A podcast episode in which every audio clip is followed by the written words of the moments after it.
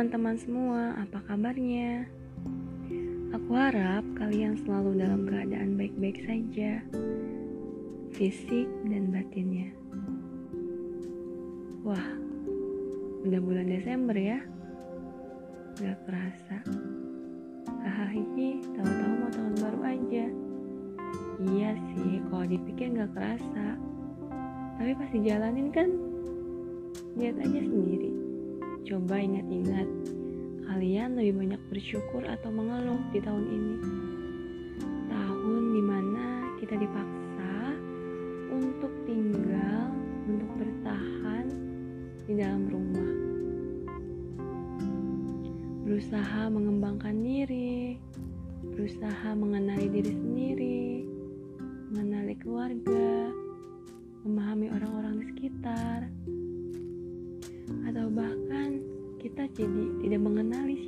kita sebenarnya. Lantas, apa yang bisa kamu perbuat tentang itu? Aku tahu ini semua berat bagi kita. Untuk teman-teman yang biasa berada di luar rumah, menjalankan aktivitas, bersosialisasi dengan teman-teman, harus tertahan di dalam rumah melakukan semuanya secara virtual. Mungkin kamu merasa bahwa sekarang kalian benar-benar sendiri. Kalian tidak memiliki teman karena teman pun sibuk dengan dunianya masing-masing. Toh, pada akhirnya kita memang sendiri sih. Pada masa ini, kita berusaha untuk mengenali diri sendiri, mengenali orang lain, memahami apa sih yang sebenarnya kita inginkan, apa tujuan kita dalam hidup ini. Lalu, setelah itu, jadi overthinking deh. Setelah itu, mulai deh cari teman untuk menjadi tempat cerita seseorang yang mau mendengarkan apa perasaan kita. Tapi setelah itu beranggapan, kok kamu tuh nggak ngerti sih perasaan aku? Gak ada yang ngertiin aku di dunia ini. Kayaknya aku cuma sendiri deh. Mereka emang gak pernah peduli sama aku. Aku gak tahu harus cerita ke siapa lagi. Kalian punya pemikiran seperti itu? Eits, tunggu dulu. Bentar ya. Aku mau kasih tahu sesuatu. Mungkin mengingatkan sih. Coba deh dipikir dulu. Sebenarnya mereka yang tidak mengerti atau kamu yang menolak untuk dimengerti. Bukan tidak ada yang peduli, tapi belum menemukan seseorang yang benar-benar peduli, yang benar-benar mengerti dirimu. Sebenarnya, kamu menutup diri atau tidak? Coba. Kamu menolak untuk dipahami oleh orang lain.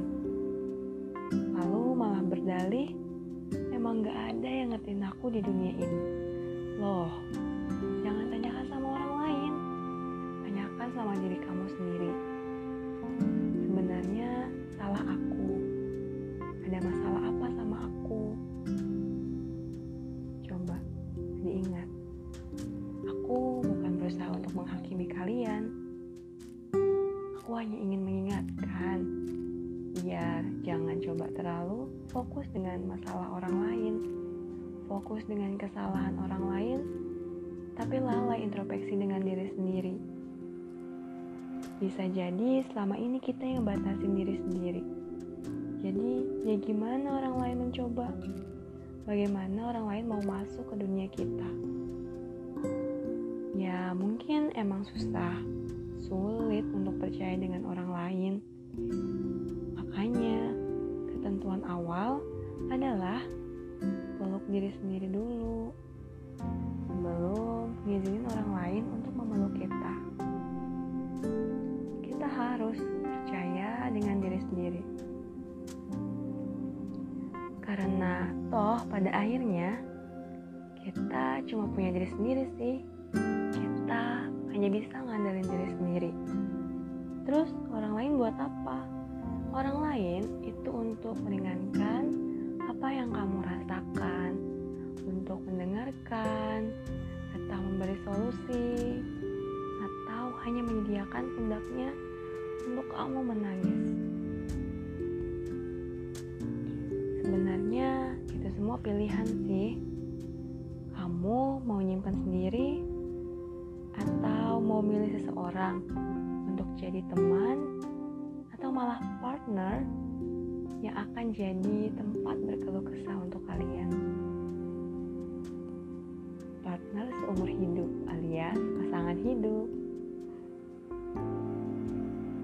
Aku berharap buat teman-teman yang masih merasa kuat, kuat untuk nyimpan masalahnya sendiri, semoga memang selalu kuat ya.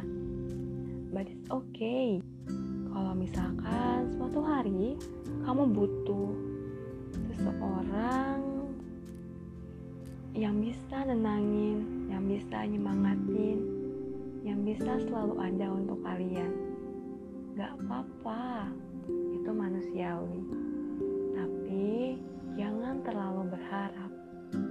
Tetap fokus dengan diri sendiri. Jadi nanti ketika mereka pergi, kita nggak akan terlalu sakit.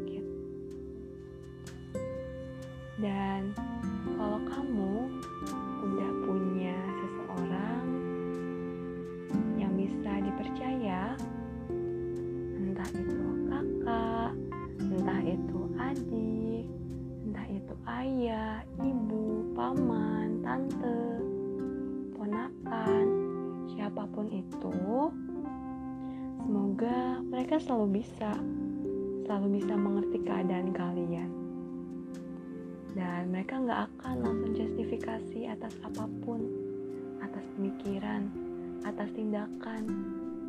Mereka selalu mengerti, mereka selalu mencoba memahami dari sudut pandang kalian, karena mereka adalah orang yang kamu percaya. Jadi, coba pahamin diri sendiri dan mulai percaya sama orang lain secara perlahan karena kita manusia butuh teman untuk hidup. Jadi tetap semangat dan sampai jumpa.